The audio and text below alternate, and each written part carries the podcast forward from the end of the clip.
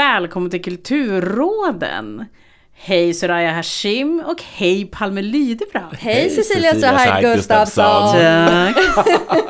Hur mår ni? Ja, det är la okej. Det är okej? Ja. Jo, det är bra. Jag är som lite förvirrad. Åh, vad mysigt. Ja, eh, men en god förvirring. Ah. Det är inte så stress, herregud, hur ska det här gå? Utan mer typ så bara, all is good. Vad Det är som att jag är härligt. hög. Nej, men det, det är bara jättemysigt, tror Nej, jag. men jag är också, jag är också hög Ja. ehm, idag. Eh, inte av knark, utan mer Av Clark. att det är av, av Clark, min kille. Vet du vad jag har kommit på? Nej. Förlåt att jag avbryter dig. Men jag har kommit på att man får, eh, det, här är, det här var verkligen inte en tillsägelse, du kommer tro att det var det nu. Men man får nio månader på sig att vara eh, så nykär. Som jag är. Ja, det är jättejobbigt. Ni, men nio månader, det är ganska generöst. Och men, nej, men jag är snart klar. Som kompis får man inte vara sur då. Och sen har man tre månader på sig att varva ner. Är inte det ganska generöst och snällt? Och vad innebär bra varva ner? Typ lite så, eh, inte så ofta. Jag tycker för sig inte att du är outhärdlig. Nej. är lite outhärdlig. Nej, jag För jag vill inte. ändå prata om min kille. Ja, men gör det. Alltså jag Du har måste... tre månader kvar. Ja, jag vet. Är, så jag måste passa på.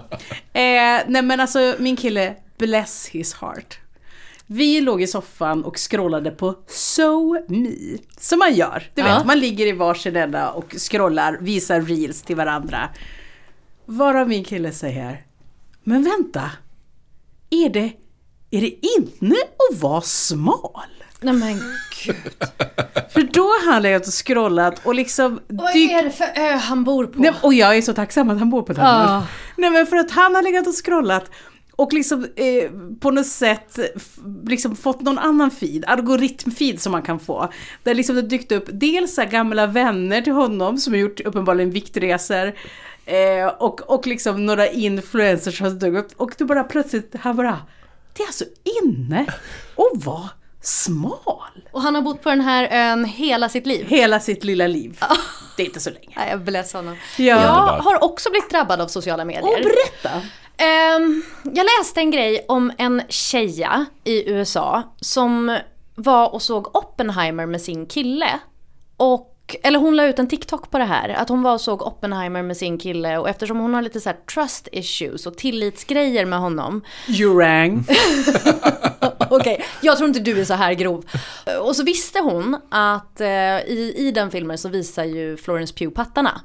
Och, men de visste inte liksom riktigt när i filmen Florence Pugh visar pattarna. Så då hade de haft ett samtal innan om hur de ska hantera situationen. Skulle han, va? På, på bion? Ja. skulle han blunda eller vad var... Vad han gör är att han vänder in huvudet mot hennes axel och borrar ner huvudet i hennes axel och inte tittar varje gång som Florence Pugh visar pattarna. Och så får hon liksom lite klappa på honom så att han vaknar till när det är klart. Nu är det färdigt. Som att det är läskigt liksom, att man håller för ögonen som ett barn. Och så säger man så här, klappar, nu är det över, nu kan du titta igen. Och hon menar då att det här är någon slags testament till deras fantastiska tillit och kommunikation i deras relation. Att de pratar om vad deras triggers är för någonting och sen stöttar, alltså jag, är, jag har Nej, så mycket jag är- kräksmak i min mun medan jag pratar om detta. Det är psykisk ohälsa. Ja men det är senast igår tror jag visade de tyckte jag var så här, kolla vilka snygga bröst. Ja, Till min kille. ja. Är inte hon snygg? Ja, men men alltså, alltså- nej, det, det, då, har man, då får man jobba på sig själv.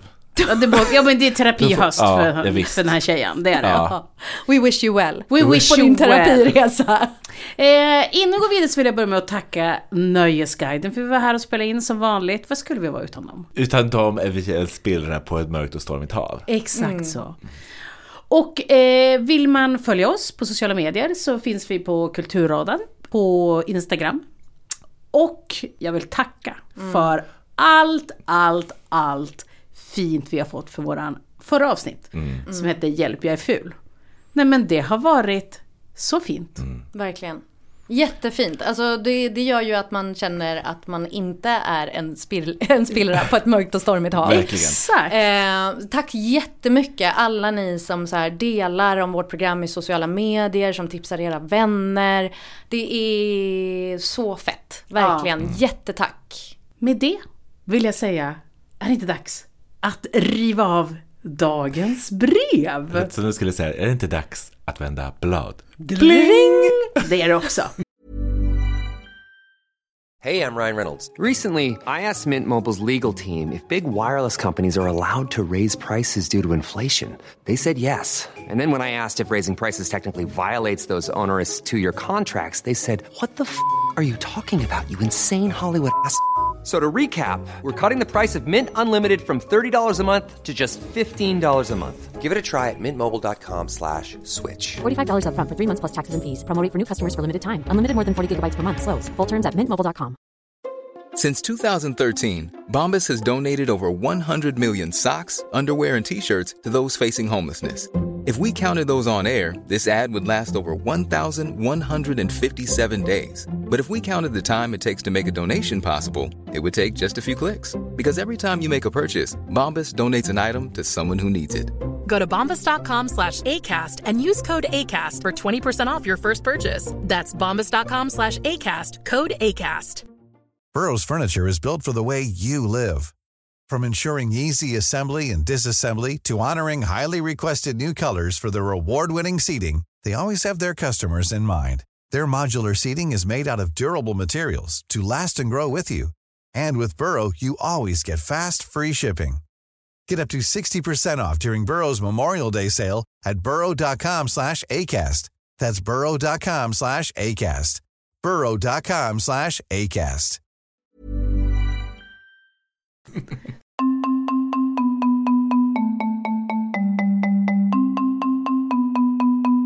Hej!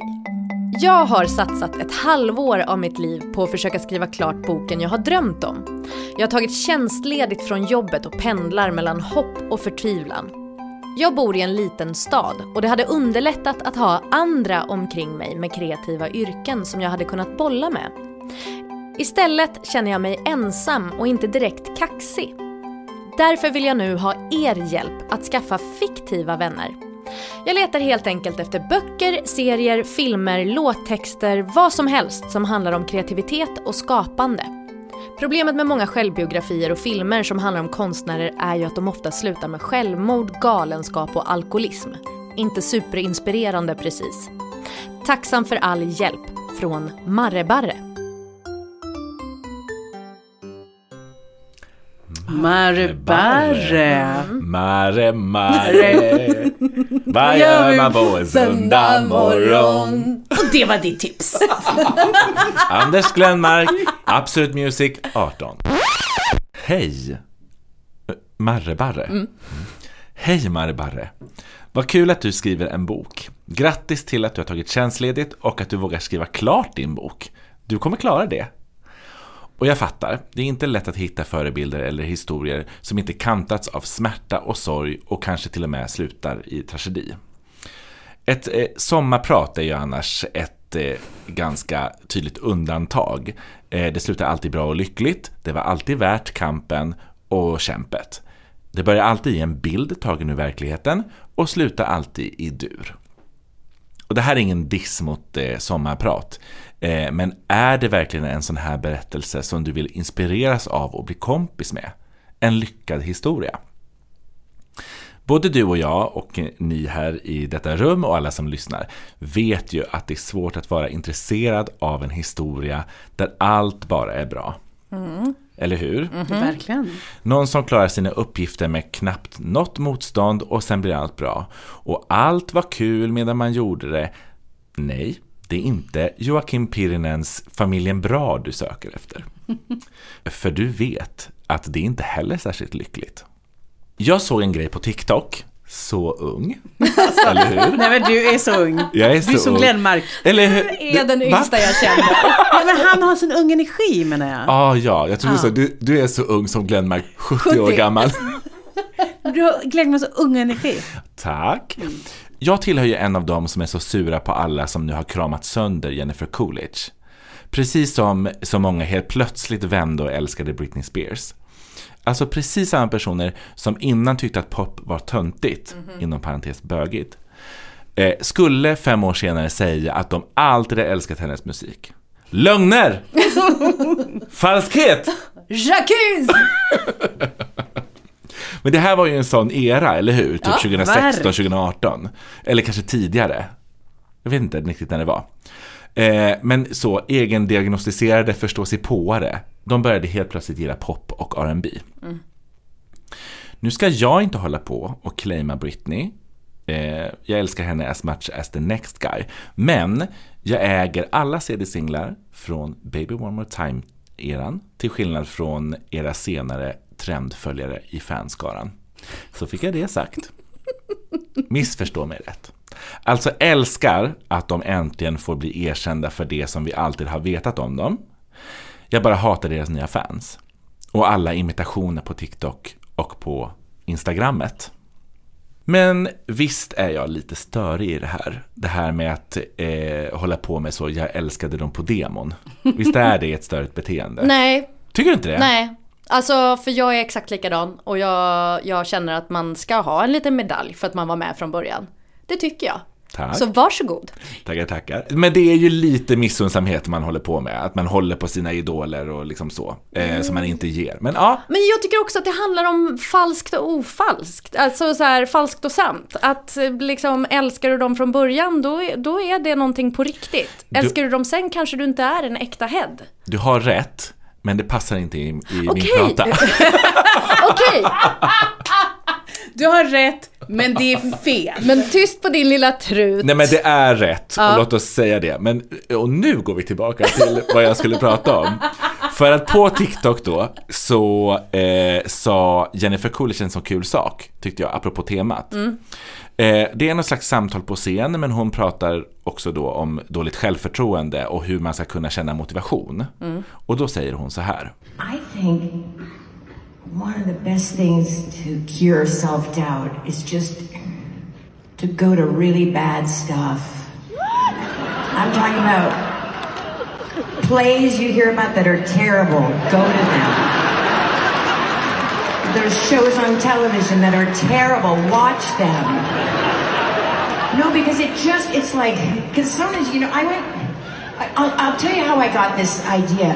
Um, I was like, I was like in college, and I just hated myself, and I was so full of self doubt. And I, anyway, I went to this terrible production of Oliver, um, and it was just literally like Oliver, Oliver, never be buried, the boy more.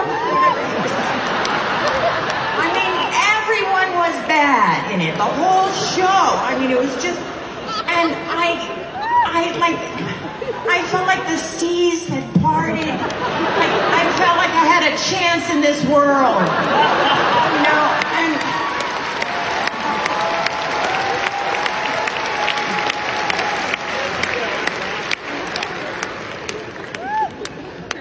Good stuff. The good stuff is just intimidating, and you're like, how could I ever fucking do that? Palmer fucking Lydebrand. Det där hade jag också. Nej! Jo! jo, den ska jag också berätta om. Men nu kommer jag inte göra det, för nu tar du den. Men det går bra. Så unga båda två. Så unga och fräscha! För vissa är ju det här ett jättebra tips. Eh, men det var faktiskt inte det du frågade om eh, i brevet. En annan egenskap som jag förstår är viktigt att ha som författare är ju uthållighet och en personlig ton. Visst låter det sant tjejer? Det låter sant. Nu ska jag prata om en av mina stora förebilder som har gjort oerhört mycket för världen. Känner ni till popartisten Michael Jackson? Jag har hört honom. En enormt stor artist, Ja. visst. Men vet ni hur Michael fick sin säregna stil? Eh, med den här arméjack- arméjackan som är lite borderline pirat. Den, nej, Jag har gissning. Berätta. Jag tänker att det antingen är Janet eller om det är Paula Abdul. Det första är rätt. Ja, Han frågade sin lilla syster Janet om han fick sno hennes stil. och hon, Ah, just det. syster snäll, sa okej. var det, det var ja, inte Latoya. Nej, Men Latoya kanske stora syster också. det var liksom efter control. Ja. Eh, Janet Jackson, ni kan kalla henne Miss Jackson om du är nasty. Hon var under 80 och 90-talet väldigt politisk i sin musik. Hennes texter har oftast handlat om sociala orättvisor, rasism, hur det är att vara människa, hur det är att vara kvinna och hur det är att vara svart kvinna. Det låter futtigt idag men hon har också alltid sjungit i solidaritet med sina homosexuella vänner och fans. Det handlar ofta om självrespekt eller strävan efter det, men kanske inte nå ända fram. Om självbestämmandet, om snällhet och om sex. Det handlar väldigt ofta om sex. Att åtrå. Eh, ofta beskriver hon ett jag som vill något, som har en agens, ett mål. Men det är inte alltid som att hon är liksom vinnaren i det här. Men hon har strävat. Det är det viktiga. Och så handlar det ofta ibland om the need to feel special. Jag tänker prata om albumet The Velvet Rope från 1997. Wow. Hennes absolut bästa. Är det den när hon har rött hår? Ja. Åh! Det är hennes Det är absolut bästa album. och det är hennes absolut mest personliga. Det är så bra. I eh, filmen That's the way love goes, Mm. eller i vi- videon That's the way love goes. Det, är min, det var min som tonåring absoluta drömlägenhet. Och den har jag i hela mitt liv, Mm. Än idag, fortfarande som förebild i min inredningsstil. Vill du också ha J Lo som dansar runt i din Ja. lägenhet? Ja. Är inte det den videon där det bara är så här massa folk som sitter Jo. och hänger typ en efterfest nästan och alla är Exakt. så sexiga och Ja. snygga. Det är mycket så här krossat Och sammet. J- och J.Lo där, och dansare. Hon var ju bakgrundsdansare till Janet. Ja. Det är väl den här dun dun dun dun dun dun dun. Ja. Åh, den är så bra. Efter att ha varit igenom en djup, djup depression och behövt konfrontera barndomstrauman och självskadebeteenden så utvecklar Janet hetsätning och body dysmorphia som vi pratade lite kort om i förra avsnittet. Eh, och sen går det åt andra hållet och hon utvecklar både anorexi och bulimi. Hon mår inte bra. Hennes förflutna hinner ikapp henne och hon måste deala med alla hennes trauman. Till exempel att hon har liksom vuxit upp i strålkastarljuset och eh, till exempel varit gift med en man när hon var 16. Men eh, inför att Janets sjätte studioalbum skulle göras så förhandlar hon till sig det största skivkontraktet genom tiderna, vid den här tiden ska sägas. Hon är verkligen megastor. Så hon skissar på ett konceptuellt album som handlar om att söka sig inåt. Titeln The Velvet Rope är ju en metafor för att avgränsa sitt inre men funkar samtidigt som en bild för alla som vill vara innanför de där sammetsbanden. Alla vill känna sig speciella. På albumet finns en eh, upp och neråtvänd sankofa, sankofa, vad säger man? S-A-N-K-O-F-A. Det är en symbol för att lära sig från det förflutna för att kunna gå framåt. Janet och många av hennes fans har tatuerat det på sin vrist, jag själv på insidan av min arm. Visst ja. Ah. Den hamnar på Instagram. Ni minns Got till It's Gone? Första singeln där Q-Tip rappar och det samplas eh, Desirees Feel So High och Johnny Mitchells Big Yellow Taxi.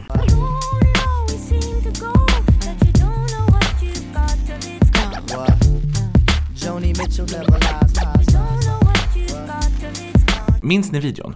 Eh, jag försöker komma ihåg. Nej. Det här är verkligen en kärleksförklaring till Black Joy, Black History och kärleken till att enat community utan rasism och homofobi. Den är liksom lite så sepiatonat, de är i liksom en miljö där det Ja. är ja, Ja, jättesnygg. Mm. underbar. Malinesiska fotografen Malik Sidobe är en tydlig referens här. Han blev uppmärksammad främst för sin han blev uppmärksammad främst för sin dokumentation av malinesisk ungdomskultur på 60 och, för 50 och 60-talet. Otroliga foton. Googla, googla, googla och ni ser verkligen liksom referenserna till den här videon. I den andra singeln, ja jag kommer gå igenom ganska många låtar här, eh, Together Again, så sjunger hon om drömmen att få återfinnas med alla sina vänner som har dött i aids. I I Get Lonely, helvete vilket sexigt track. Alltså gud, ah, förlåt, men jag blir tokig. Jag måste och lyssna på det här äh, albumet nu. Du, eh, du, eh, man golvas av varje låt. Ja. Eh, I Get Lonely-remixen gjorde hon ju tillsammans med Blackstreet, ni vet No Diggity. No doubt. Eh, det, eh, nej, eh, inte Gwen Stefani. Nej, not diggity no doubt. De sjunger det. I den här låten så är Janet så att säga sugen och hon längtar efter sin älskare. Eh, jag tycker att albumet har ett svagt spår och det är Every Time, albumets femte singel. Men den ska väl också få plats. Det är ju liksom quintessential järnet att ha så en pianoballad på ett album. Och det är ju inte jag som har satt setlisten. Eh, så den är där. The Velvet Rope är ingen direkt underground-skiva. Eh, men järnet är så musikaliskt KUL. Alltså Freakzone eh, är verkligen före sin tid. Den handlar om eh, homofobi och uppmanar alla att bli free eller freaks. Där finns bara en regel. No rules. Men vad är det för stil i musiken? Är det liksom funky jazz R&B eller är det ett dance track? Who knows? Who cares? I titelspåret så samplas bland annat Mike Oldfields Tubular Bells, alltså ledmotivet till Exorcisten. Vilket passar utmärkt som metafor. I låten sjunger hon det yngsta syskonet i Jackson-familjen om att they have a special need to feel that we belong.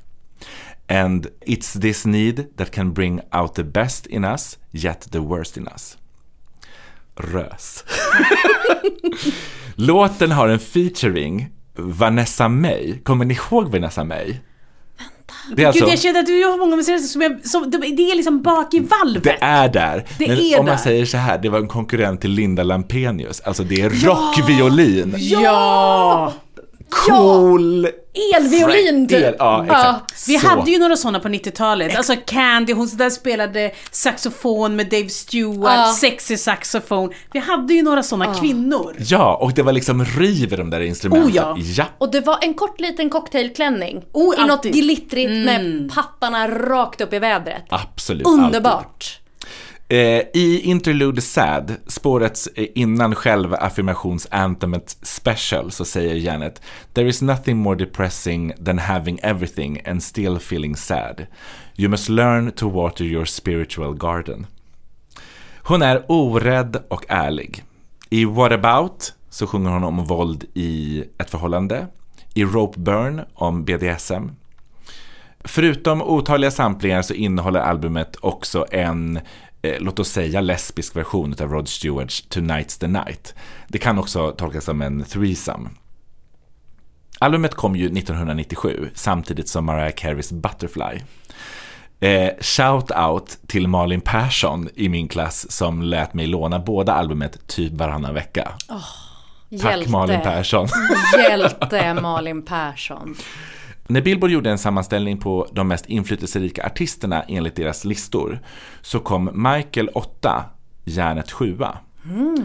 Visst blir man ändå lite positivt överraskad? Ja. Otroligt. Även om hon har färre listettor, Michael har 13, Janet har 10, eh, så har hennes låtar legat längre på listorna, alltså de är mer uthålliga över tid. Och The Velvet Rope skulle ju faktiskt lika gärna kunna vara gjord idag. Så pass uthålliga är det här albumet.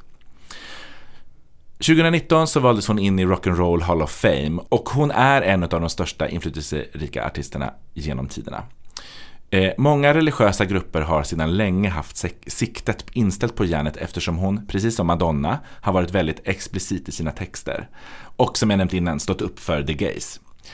Och det blev ju inte mindre spänt mellan de här rel- religiösa grupperna och, eh, efter The Velvet Rope.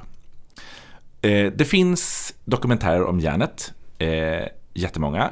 Och speciellt vad som hände efter att Justin Timberlake saboterat hennes karriär under Super Bowl-framträdandet. Jag tror det är 2004. Ja. Kommer Eh, aldrig förlåta honom för det. Nej, Nej. jävla Justin Timberlake alltså. Och jag försvarar verkligen inte Justin, för att han, det är, ja. Eh, Men skulden ska kanske inte bara falla på han, utan också på alla fittiga, prydiga amerikaner som råkade se en tutte i tv. Fy vad USA är sämst. Eller hur? Alltså en hel människas karriär och bidrag till liksom, kulturen och världen. Musikhistorien, världen, eh, alltså i generation to come så har liksom hennes musik förändrat allt. Alltså när man lyssnar på The Velvet Rope, man hör hur andra liksom artister har influerats utav den här musiken. Och så en töt. Och så är du ute. Och en tutte och du är helt Ja. gone. Ja. Men, vänta med dokumentärerna. Speciellt om du är en sån som inte tror att järnet är för dig. Precis som alla de där killarna som sa att Britney inte var för dem. Gillar du populärkultur så är det här albumet en blueprint som varit inspiration för många artister som har kommit efter det. Och det hörs, precis som vi sa. Nu tänkte jag göra som några sommarpratare gjorde i år. Vet inte om ni märkte det, men jag upplevde att det var ganska många som gjorde det. Eh, som sa så här, ni måste lyssna på sommarpratet i sin helhet. Ni måste också lyssna på hela låtarna. De, det finns en poäng varför de är där. Ina Lundström. De har betydelse. Och nu ska jag göra samma Ja. sak. Jag tycker att du, Marreberg, ska lyssna igenom hela The Velvet Rope. Från Twisted Elegance till det gömda spåret, nu längre inte så gömt, Can't Be Stopped. Och lära känna henne genom musiken. Det är det rakaste sättet att komma henne nära. Hur som helst, lycka till med boken.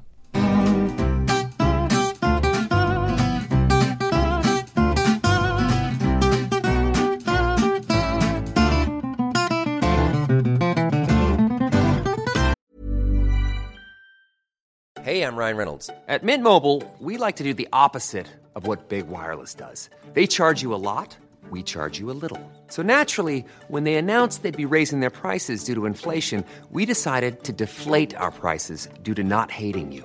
That's right. We're cutting the price of Mint Unlimited from $30 a month to just $15 a month. Give it a try at mintmobile.com slash switch. $45 upfront for three months plus taxes and fees. Promo rate for new customers for limited time. Unlimited more than 40 gigabytes per month. Slows. Full terms at mintmobile.com. Wow. Nice. What you're hearing are the sounds of people everywhere putting on Bombas socks, underwear, and t-shirts made from absurdly soft materials that feel like plush clouds. Yeah, that plush. And the best part? For every item you purchase, Bombas donates another to someone facing homelessness. Bombas. Big comfort for everyone. Go to bombas.com slash ACAST and use code ACAST for 20% off your first purchase. That's bombas.com slash ACAST. Code ACAST. Kära Marre Barre. Jag kommer liksom ta med dig på en liten resa eh, inom en genre. Jag ska berätta för dig om dans och varför min kärlek till dans. Jag har pratat om det förut, om hur jag älskar att svepas med av dans för jag vet inte var det kommer ta mig. Det finns inte den narrativa berättelsen som i en bok, så jag behöver inte guidas utan jag kan bara ta in. 1913 var det premiär på The Rite of Spring. Eller den svenska översättningen, Våroffer. Balletten hade premiär på, håll i er nu på mitt uttal, Théâtre de Champs-Élysées. Perfekt uttal. jättebra. Bästa jag har hört. Merci, Har aldrig tvivlat på din franska. Tack. Eh, det var ju musik av Igor Stravinsky och koreografi av Vaslav Nijinsky. Men premiären gick inte riktigt som man hade tänkt sig. Det blev upplopp bland publiken när den sattes upp. Folk skrek, de tyckte det var fruktansvärt. Det var ju inte vacker ballett. Utan det var koreografi som var liksom köttig. Det var kroppar som inte hade fjäderlätta rörelser och musiken var nästan hård och hotfull. Första gången jag hörde Right of Spring gick jag på dansgymnasium. Det var också första gången jag kunde se koreografi eh, genom bara att höra musiken. Detta är någonting som jag gör i mitt arbete fortfarande ibland. Oftast digitalt, men ibland sitter jag i repsalen om jag har tur. Jag arbetar inte som koreograf, men jag sitter i repsalen som publikens öga. Och jag funderar på vad känner jag i kroppen när jag tittar? Så när jag hör musik till ett nytt verk så blundar jag och känner om jag kan se eh, koreografin. Och nu ska ni få göra det. Nu ska jag spela Ja, vad en... kul. Jag vet, nu ska ni få ehm, höra en del i Rite of Spring som är liksom den här hotfulla delen eh, som vissa kommer känna igen. Och så tänker ni er att ni sitter i en eh, teaterscen eh, och, och tittar på det här och funderar på vad ser ni för koreografi och om ni kan se det framför er.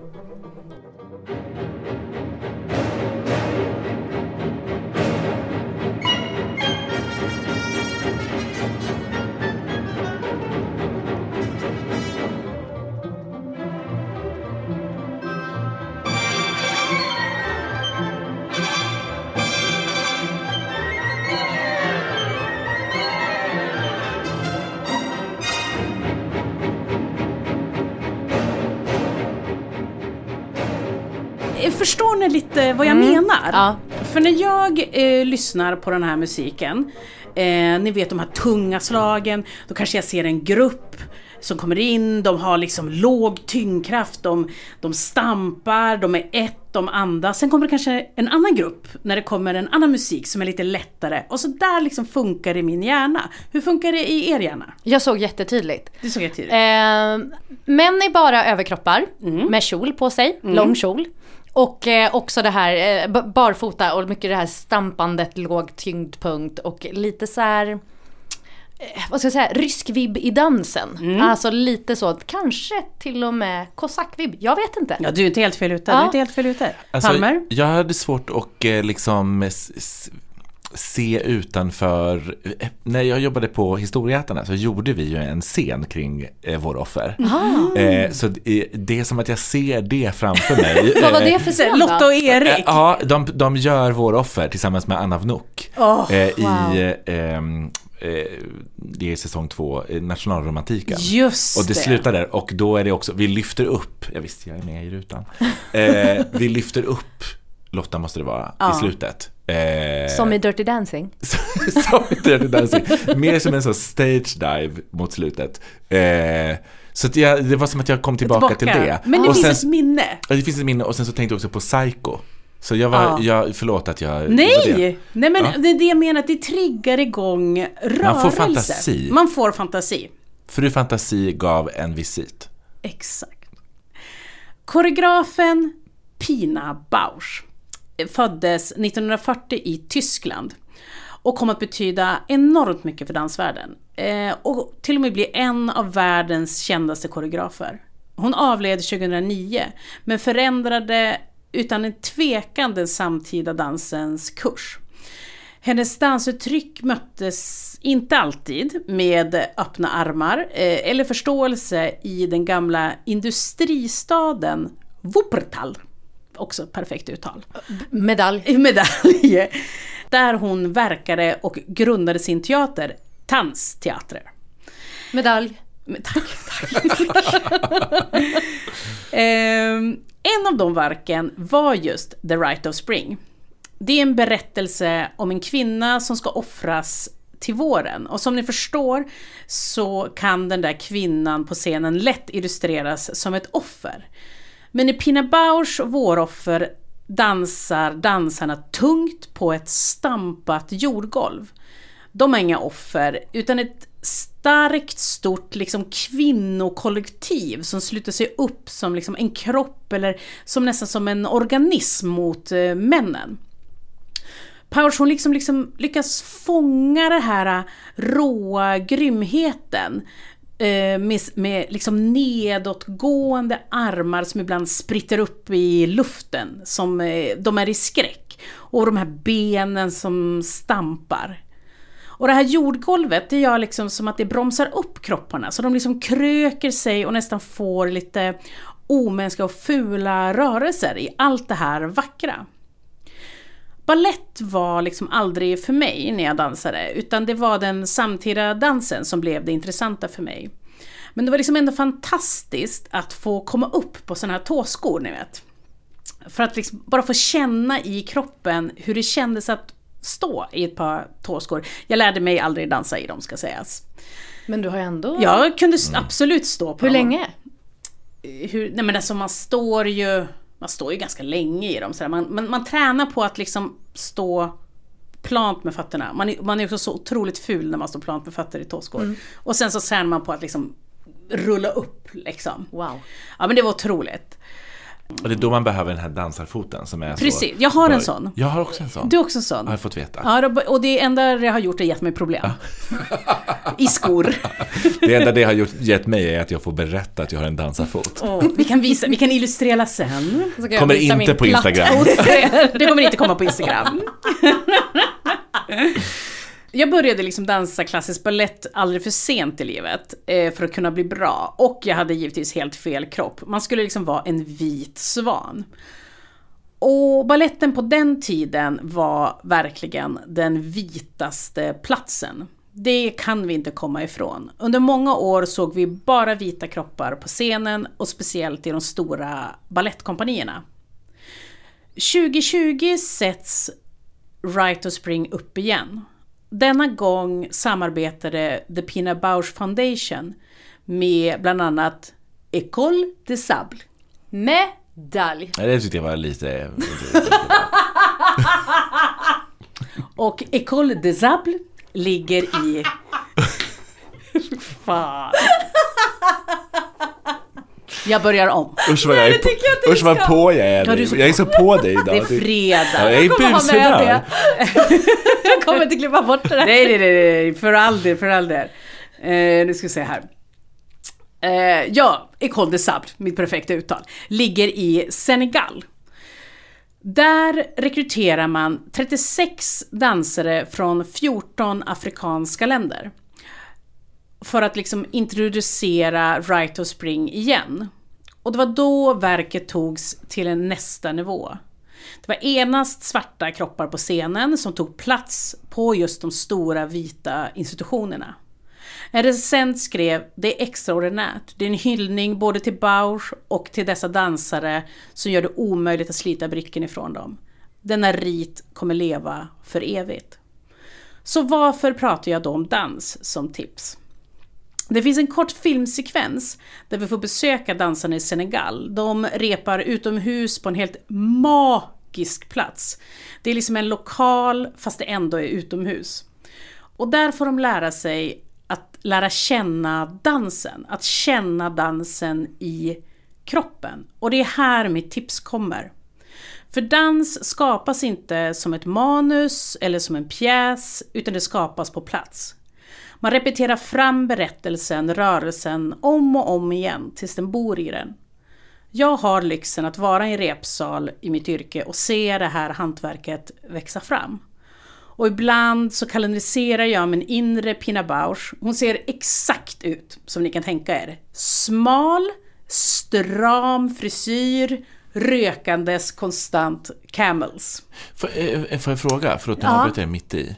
Eh, Men visst var det henne som man liksom använde som eh, inspiration till Suspiria, alltså när Tilda Swinton är den här dansläraren i Tyskland. Eh, Och liksom verkligen så, jag ska visa bild sen. Jag har Ja. aldrig sett den här filmen. Är det sant du måste Jag se? har aldrig sett den här filmen. Det är inte Och jag- humor. det är inte humor, så jag måste se den. Ja, det är lite skräck då. I och för sig lite humor är det också, Ja, för det är alltid till- humor och skräck. Tilda Swinton som danslärare, du behöver inte säga mer till mig. Du ska se den här.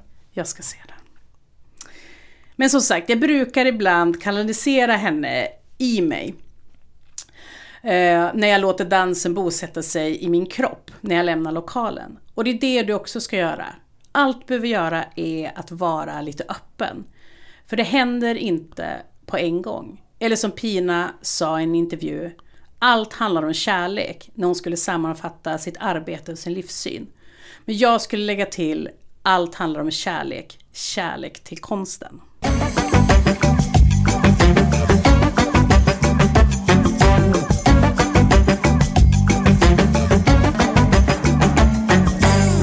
Marre Barre. Jag upplever att du känner dig ensam i ditt skapande och att du behöver hjälp framåt. Någon vän att bolla med, någon som kan visa dig vägen, kanske utmana dig och öppna nya tankar för dig. Så först tänkte jag så här. Eh, vilka i kulturen sitter med Panama-hatt och linnekläder på en strandveranda i The Hamptons och typ sippar på ett glas krispigt vitt?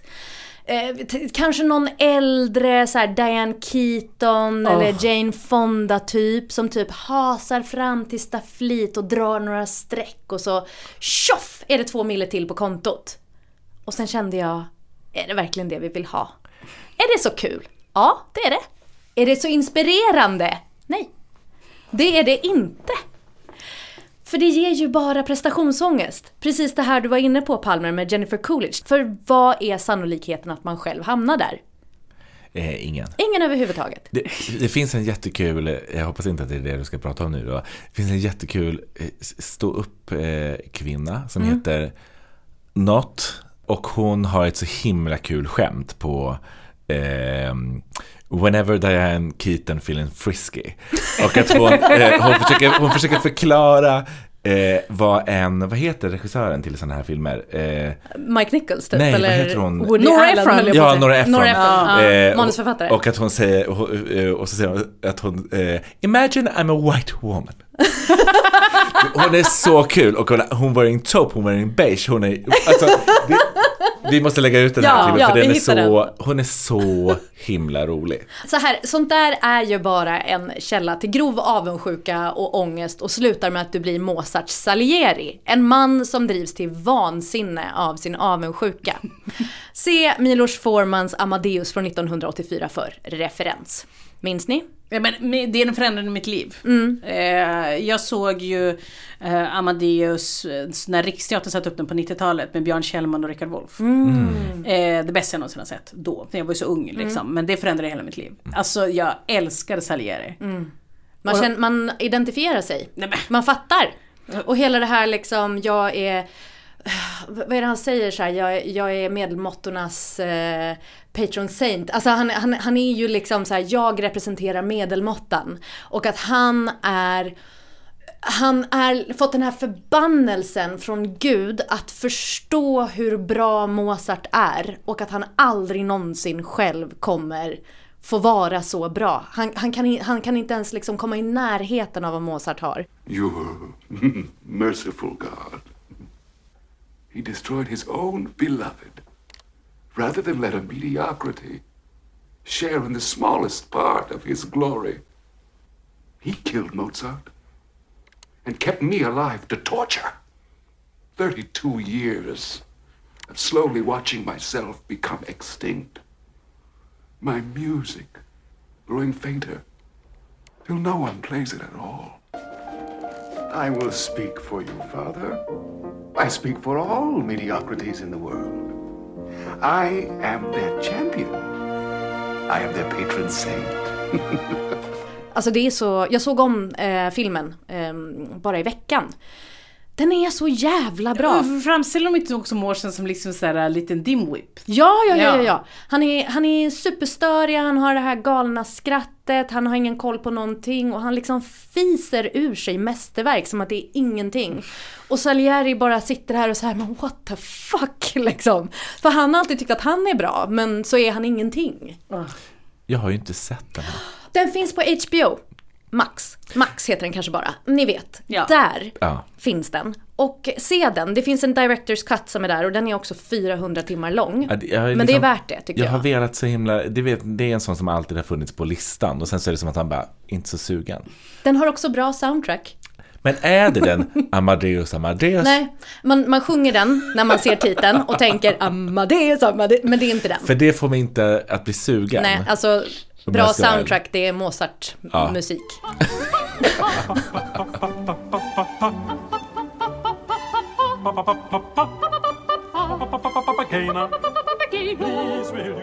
Marre vi vill inte sätta dig i en andre fiol-situation eller andre kompositör-situation i det här fallet. I min högstadieklass så fanns det en kille som en gång sa så här. Jag umgås med den där killen för att han är kortare än jag, för då ser jag längre ut. Jag umgås med den där killen för att han är dummare än jag, för det får mig att verka smartare. Jag umgås med den där killen för att han är fulare än jag, och då ser jag snyggare ut bredvid honom. Elakt? Ja. Har något? Geni! Eller hur? Han var så jävla osympatisk. Men 25 år senare så känner jag ändå, hade något. Gud, han är ju så framgångsrik daytrader idag. 100 Ja. proffs. Ja, alltså. visst. Det rullar in cash där. Ja. Gud ja.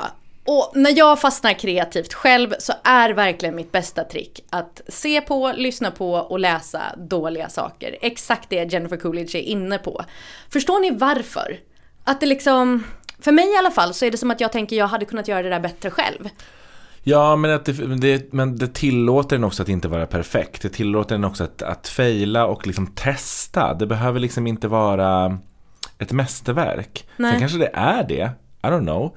Eh, men det kanske också kan få vara good enough. Alltså det finns, no, det finns ett större spann att få verka i. Eh, I sin egen liksom, kreativitet. När man liksom har tittat på någonting som är dåligt och man bara, det där kan jag göra bättre själv. Ja men jag, du, du har en väldigt förlåtande inställning för min är mer så här, kan det där dumhuvudet så kan väl jag.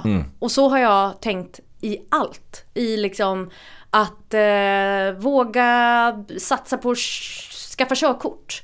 Eh, våga skaffa barn, våga ha eget företag. Alltså allt sånt där. De där idioterna klarar ju det. Då borde väl jag också kunna vara hyfsat okej på Men det. jag tror att det finns någonting också med att gå, eh, inte med känslan. Alltså förstår ni? Att, det att känna sig liksom, eh, inte värdelös förstå, att, och, och sen titta på genier. Det gör ju en bara liksom längre ner i, Ja. i liksom eh, stövlarna. Jag är lite så när jag blir dumpad, då tvingar jag mig själv se på Trots att jag hatar humor, men jag, jag gillar att se mig på stand-up.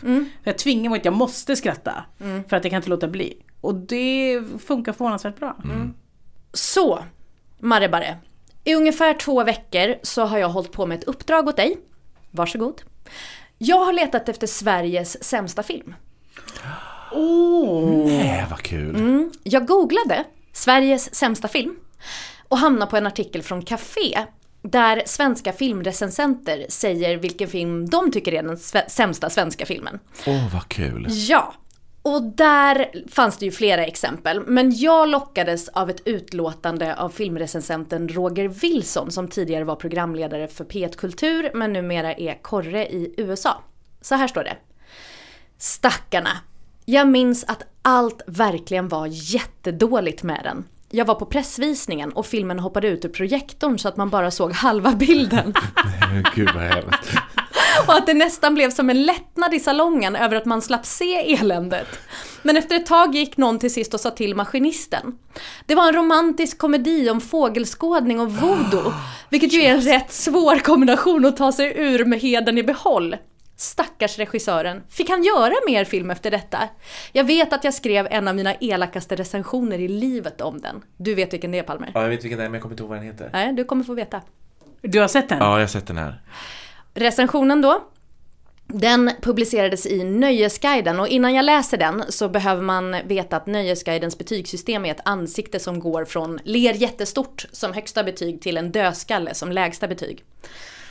Så här stod det bland annat. Den svenska filmhösten är så usel att vi nästan skulle vilja hitta på ett nytt bottenbetyg för att det skulle bli någon rättvisa. En brinnande dödskalle. Brinner som i den svenska filmens alldeles särskilda talanglösa helvete. Hade vi bara haft ett skyddsombud på Nöjesguiden så lovar jag att en film som denna hade klassats som farlig för min mentala hälsa. Nu sitter jag istället tillsammans med mina stackars kollegor och tvingas uthärda en film helt utan mening. Vi skrattar inte ens hånfullt som våra franska kollegor brukar göra. Vi bara sitter där och är lite ledsna och tänker på döden som en möjlig befrielse. Men gud, vad är detta? Underbar text, tyvärr. Så jävla taskigt, också jävla kul. Filmen i fråga heter alltså Mongolpiparen, en berättelse om kärlek, magi och fåglar. Och i huvudrollen har vi Linus Wahlgren. Oj. Ni hörde rätt. Det är en berättelse om kärlek, magi och fåglar. Cecilia, du pratade om det vitaste rummet i kulturen. Det är den här filmen som är det. Ungefär så handlar det om fågelskådaren Linus Wahlgren som är ihop med Vanna Rosenberg, älskar henne. Hon är typ häxa och håller på med seanser och sånt, ungefär som du Jag Cecilia. tänkte, gud har den här filmen om mig? Eh, Men han har då en affär med en annan kvinna och hon är då i sin tur ihop med en pianist som heter Kurt. Han klär sig i svart och han, han eh, så här, han pratar så här Känner mig attackerad. hela tiden. Känner mig attackerad, klädd i svart och min röst. Och heter Kurt. Det är ju lustmord på oss. Jag tycker det. Det här är ingen film som finns. Du har bara hittat på den om oss i rummet. Linus och hans älskarinna, de bestämmer sig för att åka till hennes hus på Gotland för att komma iväg lite. Samtidigt som han vill passa på att kryssa sin 300 fågel, mongolpiparen. Vanna Rosenberg där hemma, hon känner på sig att någonting är fel och efter en voodoo-seans, som såklart inte har någonting att göra med riktig voodoo, så börjar hon peta nålar i en docka. Typ så här, hon petar i foten, han får ont i foten Ah. borta på Gotland. Det där har man gjort. Alltså kärlek, magi och fåglar. Naturligtvis så dyker både Linus och hans älskarinnas respektive upp på Gotland och det blir en konfrontation. Manuset är skrivet av snubben som en gång i tiden skrev Göta kanal. Men vad hjälper den informationen när Göta kanal inte heller är särskilt bra? TBH.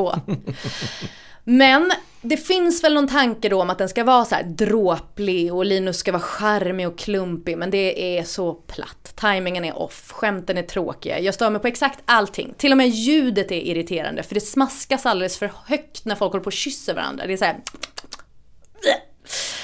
Dialogen låter till exempel Det här är ingen opera Kurt. Nej, det är den brutala verkligheten. Eller när älskarinnan och Linus är i huset och hon hör ett ljud så säger hon så här Shh, jag tyckte jag hörde något.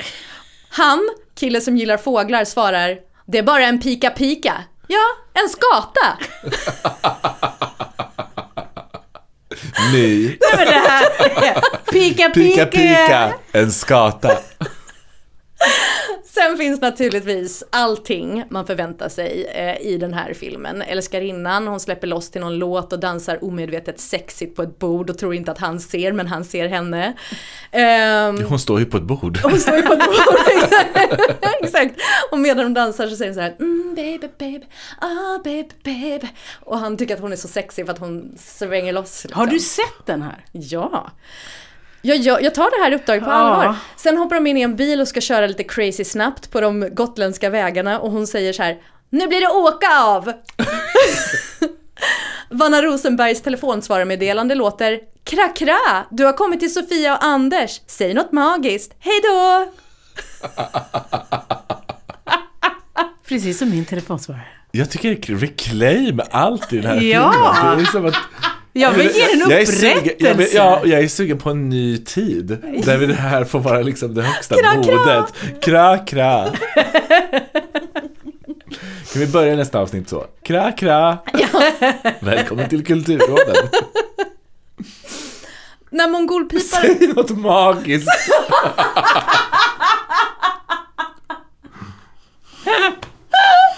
Jag älskar det. När mongolpiparen hade premiär så sågs den ungefär av tusen biobesökare totalt. Oj. Ja, det är svagt. Eh, och det gjorde att den bytte namn när den skulle släppas på DVD så att man inte skulle fatta att det var den filmen. Ah, Smart. Så den fick heta Något i kikaren och taglinen är I jakten på en skönsångare fann han sitt hjärtas fågel. mongolpiparen? Eller vad det är- Tjejen då. Så här. Ja. Är ni sugna på att se den? Men lite ändå. Att, alltså, ja, ska jag vara ärlig. Mm. Jättesugen. Och du har ändå sett den? Ja, ja, exakt. Men det måste vara typ eh, liksom 20 år sedan, 15 år sedan. Nej, vänta nu här. Stockholm. 2004, 2004. Jag har sett den typ kanske 2010. Var du en av de tusen som såg den på bio? Nej. Eh, jag, eh, nej. Tyvärr. Jag vet, jag vet var jag var när jag såg den. Vart var du? Eh, Nej, men vi hade en- liksom en filmklubb eh, där vi såg på olika svenska filmer och då eh, såg jag den här. Ja, jag förstår. Jag förstår. Ja, om ni vill se den så finns den ju inte någonstans att streama eller hyra utan jag har hittat en DVD på Tradera som jag beställde för 90 spänn inklusive porto. Oj jävlar. Ja. Så kära Marrebare, om du vill ha den så är den din. Det är bara att höra av dig så kan du få mitt exemplar. För jag känner att jag kanske inte behöver se om den. Jag kanske kommer utge mig för att vara Marre och säga att det är jag som vill ha den och Det, se det den. går bra. Det går bra. Eh, ja, så det var mitt tips. Lycka till!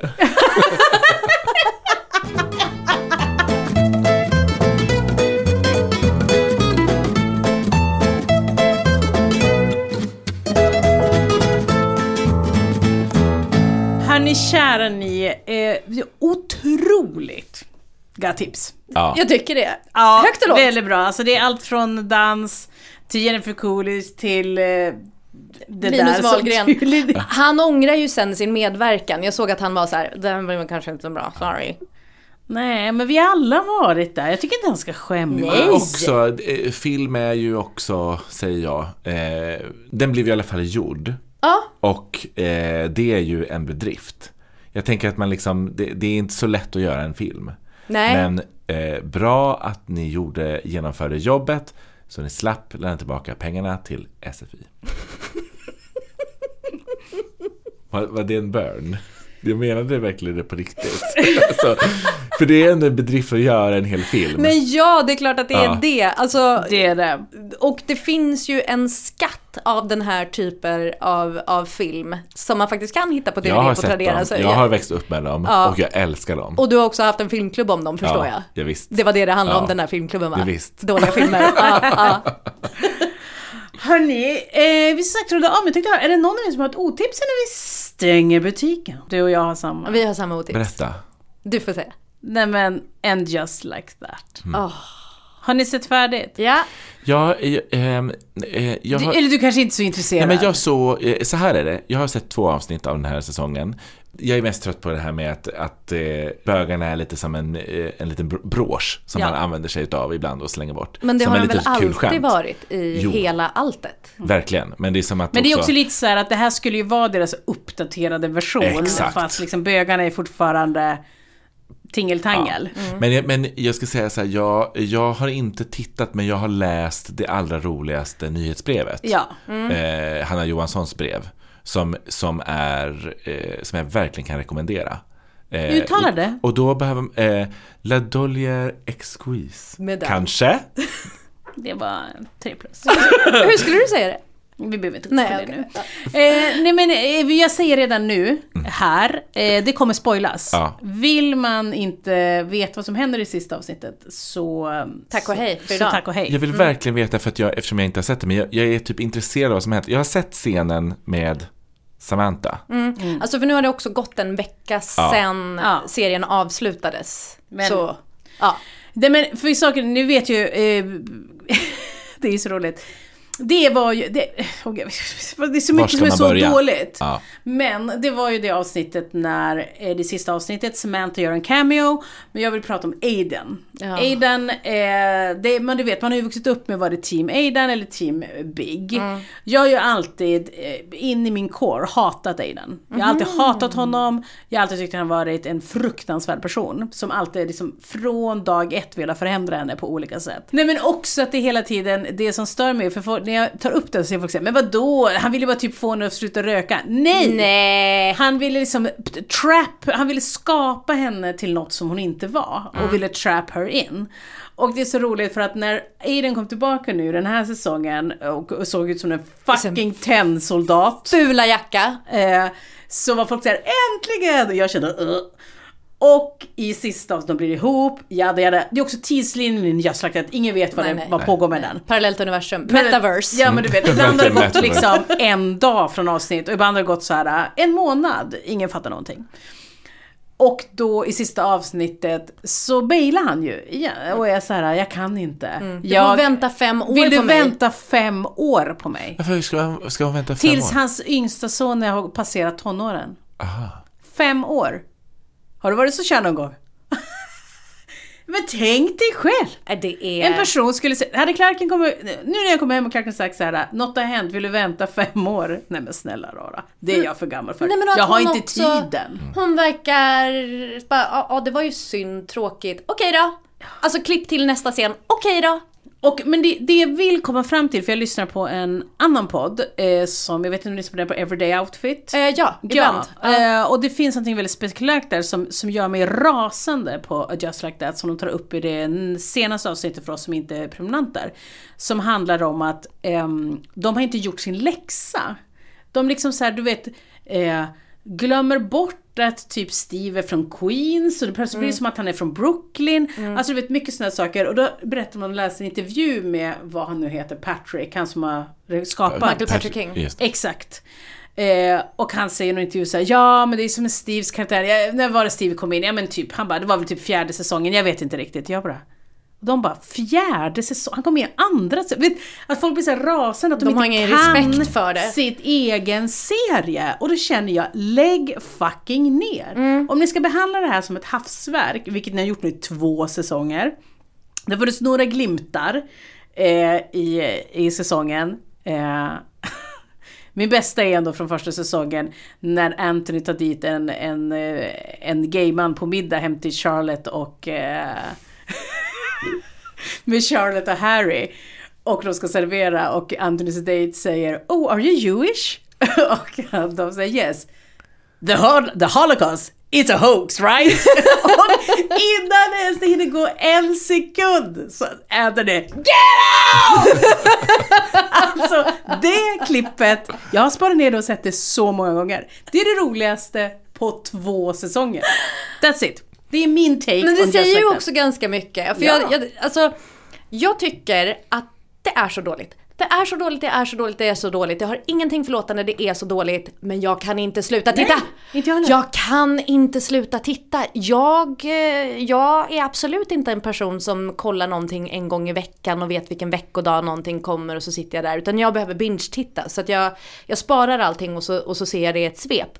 Men den här serien, jag bara, det är torsdag. Det är torsdag, okej, okej jag passar på. Eh, eh, Jakob har läggningen, då, då passar jag på att titta. Alltså så här, för att... Men vi har ju investerat så mycket tid i den här serien. Alltså vi pratar år. Ja, alltså jag är ju inte en sån som någonsin har brunnit för Sex and the City. Inte när det gick, inte när jag liksom sett eh, DVD-boxarna. Alltså in, inte så, liksom, jag har ingen sån känsla för det. Men ändå kan jag inte sluta titta för att det är som lösgodis. Alltså man bara slafsar i sig Mm. och det är så gott i stunden. Exakt, Liksom. så att, och, jag, och det är det vi kommer till med det här otipset. För jag kan inte heller sluta titta för att det här är personer som jag har vuxit upp med. Mm. De är liksom mina gamla kompisar som jag så länge sedan ser fram emot att träffa. Och sen visar det sig att de kommer tillbaka och, och det har gått en tid och plötsligt känner vi inte varandra för de är plötsligt vidriga människor som har skaffat nya vidriga kompisar. Mm. Och skäller på Och unga jag är tjejer så hela besviken, tiden. men jag kan inte heller sluta se. Och det är därför jag säger veckans otips, lägg ner! Är- Utsätt oss inte för detta självskadebeteende. Och de har minnesförlust, dina kompisar också, Också. eftersom de inte kommer ihåg vart de kommer ifrån Nej. eller när de ens dök upp i den här stan eller vad det nu kan vara. Men vad kände du när Samantha dök upp i sista avsnittet? Men jag blev bara ledsen Ja. på något sätt. Eller jag blev glad å ena sidan, men jag blev också ledsen därför att nu har de också bestämt att de ska göra en säsong till. Precis, de har fått förnyat. Och då Oklart kände jag bara så här, sparka alla i the writers room. Ni Ja. måste sparka alla och ta in folk som faktiskt kan serien. Det kommer de inte göra. Jag tror att Samantha kommer kuva och vara med nästa säsong. Tror du? Pengarna. Jag hoppas inte det. Jag tycker det är så coolt att hon bara 'fuck you, jag vill inte vara med'. Det också, samtidigt kan jag känna, get over it. Men, men jag tycker att ehm, det finns en sån huvudförfattare till avsnitten som har skrivit några av dem som var i den här säsongen. Jag kommer inte ihåg vad hon heter. Det är en kvinna i alla fall. De avsnitten har ändå varit rätt bra. De har varit hur? bra. För att hon har stayed true to the characters. Exakt, hon kan, hon vet. Ja. Hon kan de här säsongerna, hon kan bakgrunden, historierna. Hon Det är bara hon vara... får skriva från och med nu. Ja men hon verkar vara en sån här Sex and the City head. Så att det är sant liksom. Och, och, och, och vi kan inte ha fler huvudrollsinnehavare. Förlåt, men alla... All... alla biroll, nej stick. Stick. Skriv ut alla, ställa mot väggen, skjut Eller låt dem vara biroller. Nej, men de jag, behövs vill, jag vill inte ha dem. Hej då. Men hörni, vi ska runda ihop för annars kommer vi, det här avsnittet bli två timmar långt. Mm. Det blir en grovklippning, jag säger det redan nu. Saker kommer ryka. Ja, så det kommer ryka.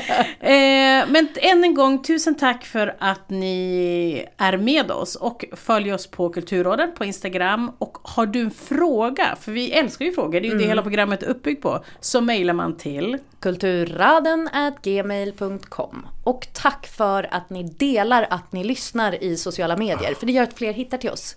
Och vi Ja. vill ha fler lyssnare. Det vill vi. Jag lägger det ute i universum. Vi vill ha fler lyssnare. Kom hit med alla era vänner. Ni är varmt välkomna. Affirmera mera. Exakt. Vi ses nästa vecka hörni. Hej, Vi nästa vecka. Puss.